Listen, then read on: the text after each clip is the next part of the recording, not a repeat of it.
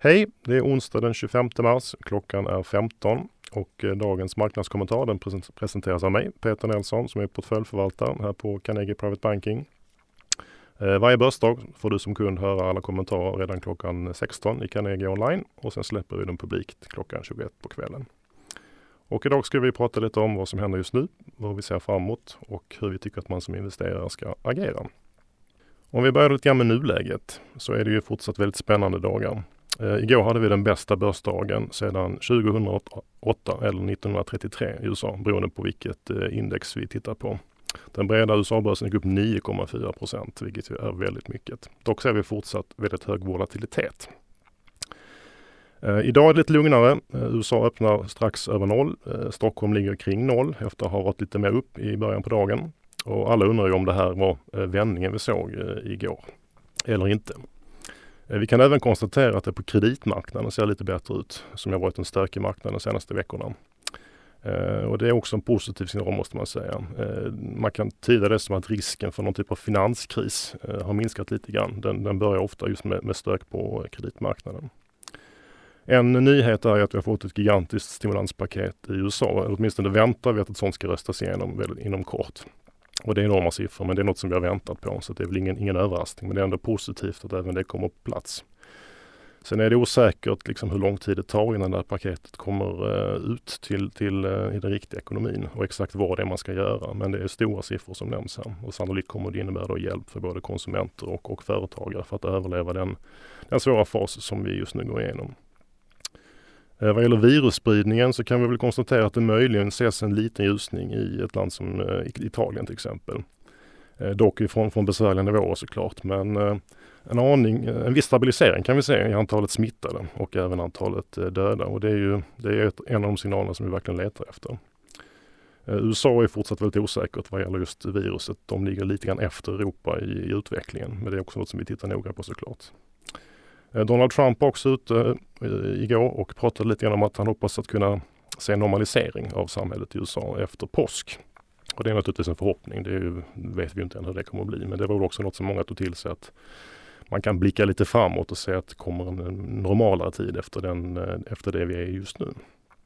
Vi ser också fortsatta vinstvarningar från diverse bolag som rapporterar om både neddragningar och om inställda utdelningar. Men det är ju ingen nyhet längre utan det har vi sett väldigt många bolag som har rapporterat om, om detta redan. Men det är väl en trend som lär fortsätta ett tag till givetvis. Så det är lite grann om nuläget.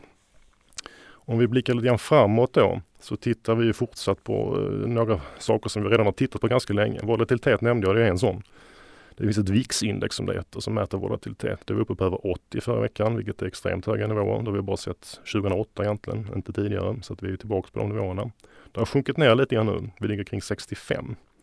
Och minskad volatilitet är definitivt något som är positivt. Men 65 är fortfarande en väldigt hög siffra. Så att man skulle vilja säga att det här kryper ner kanske mot 40-50 för att säga att det börjar liksom bli ännu lite grann lugnare. Och att det kan bli lite mer lite lättare kanske börja läsa marknaden och se vart det är på väg. Men det går åt rätt håll.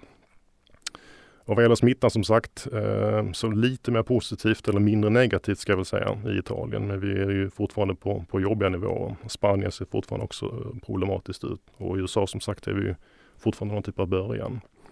Men marknaden letar ju efter positiva signaler, inte, inte snarare mer negativa signaler. Så ändå lite, lite fall framåt där. Uh, och sen även utvecklingen i Kina såklart fortsätter att vi tittar på och Asien generellt där ekonomierna har börjat återhämta sig. Uh, och det är ju en utveckling vi vill se att den fortsätter. Men även där går det just nu tycker vi åt, åt, åt rätt håll. Det vi måste komma ihåg är att börsen blickar framåt hela tiden här. Uh, trots det eländet som pågår nu. Det är därför det är så viktigt att titta på de här framåtblickande indikatorerna och inte bara fastna i det som, som händer just nu. Det vi också ägnar oss åt är att titta lite grann och jämföra med, med tidigare börskriser. Eh, hur den här ser ut och om man kan dra några paralleller av det. Och när man gör det arbetet så kan man väl säga då att liksom snitt, snittnedgångarna när det har varit riktigt, riktigt allvarligt, de har legat på kring 30-35 procent. Det var ungefär den gången vi hade fram till i, innan gårdagen då också på, på våra börser. Men det, ibland är det upp mot 50 till och med mer. Va? Och det, exempelvis såg vi då vid den senaste stora krisen 2008-2009, då var det över 50 procent. Och det var det faktiskt även efter millennieskiftet 2000 till 2002. Som dock var en mycket mer utdragen kris. Så att eh, ja, vi är väl i paritet med liksom stora nedgångar men absolut inte då riktigt så illa som de allra värsta. Däremot har den här gått mycket fortare. Tittar man just på duration, det vill säga hur länge det pågår, eh, så den kortaste krisen vi haft tidigare, då har det varit eh, 1987. Eh, då höll det på ungefär tre månader, nu pratar jag om börsnedgång.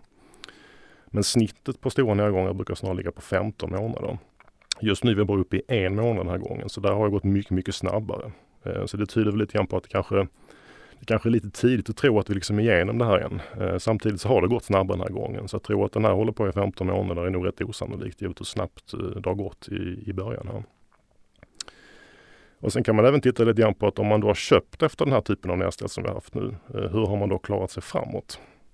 Och då blir väl slutsatsen att eh, oftast har det blivit ganska bra. Speciellt om man tittar exempelvis ett år framåt. Det är väldigt svårt att ha en uppfattning om de, de korta perspektiven. Men tittar man ett år framåt om man har köpt efter den här typen av nedgångar, då har man i princip alltid tjänat pengar. Det stämde inte 2001 den här utdragna krisen efter millennieskiftet som jag nämnde tidigare. Då tog det i princip två år innan man var tillbaks på, på, på plusavkastning. Så den var, den var liksom lite annorlunda. Tittar man på 2008 som var den senaste, eh, om man köpte det läget som vi är i nu ungefär, då tog det åtta månader innan man hade fått positiv avkastning. Så lite längre därför att det fortsatte ytterligare några månader att vara eh, präglat av nedgångar. Om vi jämför lite grann med volatiliteten som har varit extremt uppskruvad den här gången. Då har det i princip nästan alltid varit väldigt bra tillfällen att, att köpa aktier eh, på de här typen av osäkerhetsnivåer. Återigen stämde det inte riktigt 2001 och 2002 där när det var mer utdraget. Då fick man vänta längre. Men tittar man på 87, 90, 92, 08, även 2011 som jag hade mycket stök, då var det väldigt bra nivå att köpa aktier på. Så det finns ju några, några er som talar för att det här nog inte är så tokigt tillfälle att bli lite mer positiv. Så om vi då funderar på hur man ska agera framåt här. Ehm, så blir det väldigt mycket en fråga om tidshorisont som jag precis då var inne på. Eh, på kort sikt är det nästan hopplöst tycker jag att, att förutspå vad som händer med tanke på hur stora slagen är. Men eh, vi tycker väl ändå att det här är lite sent att sälja, att bli mer negativ. Det gäller både aktier och företagsobligationer. Om man har lite längre tidshorisont så känns det som att det här är för sent för att sälja. Eh, vi har sett lite tecken på kapitulation i marknaden. Det tyder på att de botten bör vara relativt nära. Men det är ju som sagt extremt svårt att veta på kort sikt. Men då tycker vi ändå att nästa steg, det bör vara att man ska bli lite mer positiv. Kom ihåg det igen, börsen blickar framåt, eh, tittar liksom vad kommer runt hörnan. Och då finns det ju ändå liksom möjlighet att det kan bli lite, lite mindre negativt därifrån. Men sen har vi den enorma osäkerheten.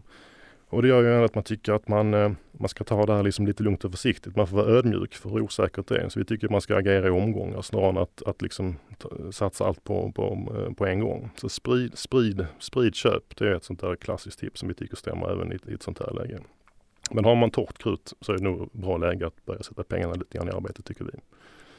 För att bli lite mer positiv så skulle vi vilja se att volatiliteten faller som jag nämnt tidigare. Att smittan är under kontroll. Eh, och sen även få en lite bättre bild på hur stor skada det har gjort på ekonomin. Eh, det skulle vara det som fattas för att liksom bli lite mer positiv i det här läget. Eh, imorgon klockan 16 så kommer det en ny marknadskommentar som vanligt. Tack för att du har lyssnat.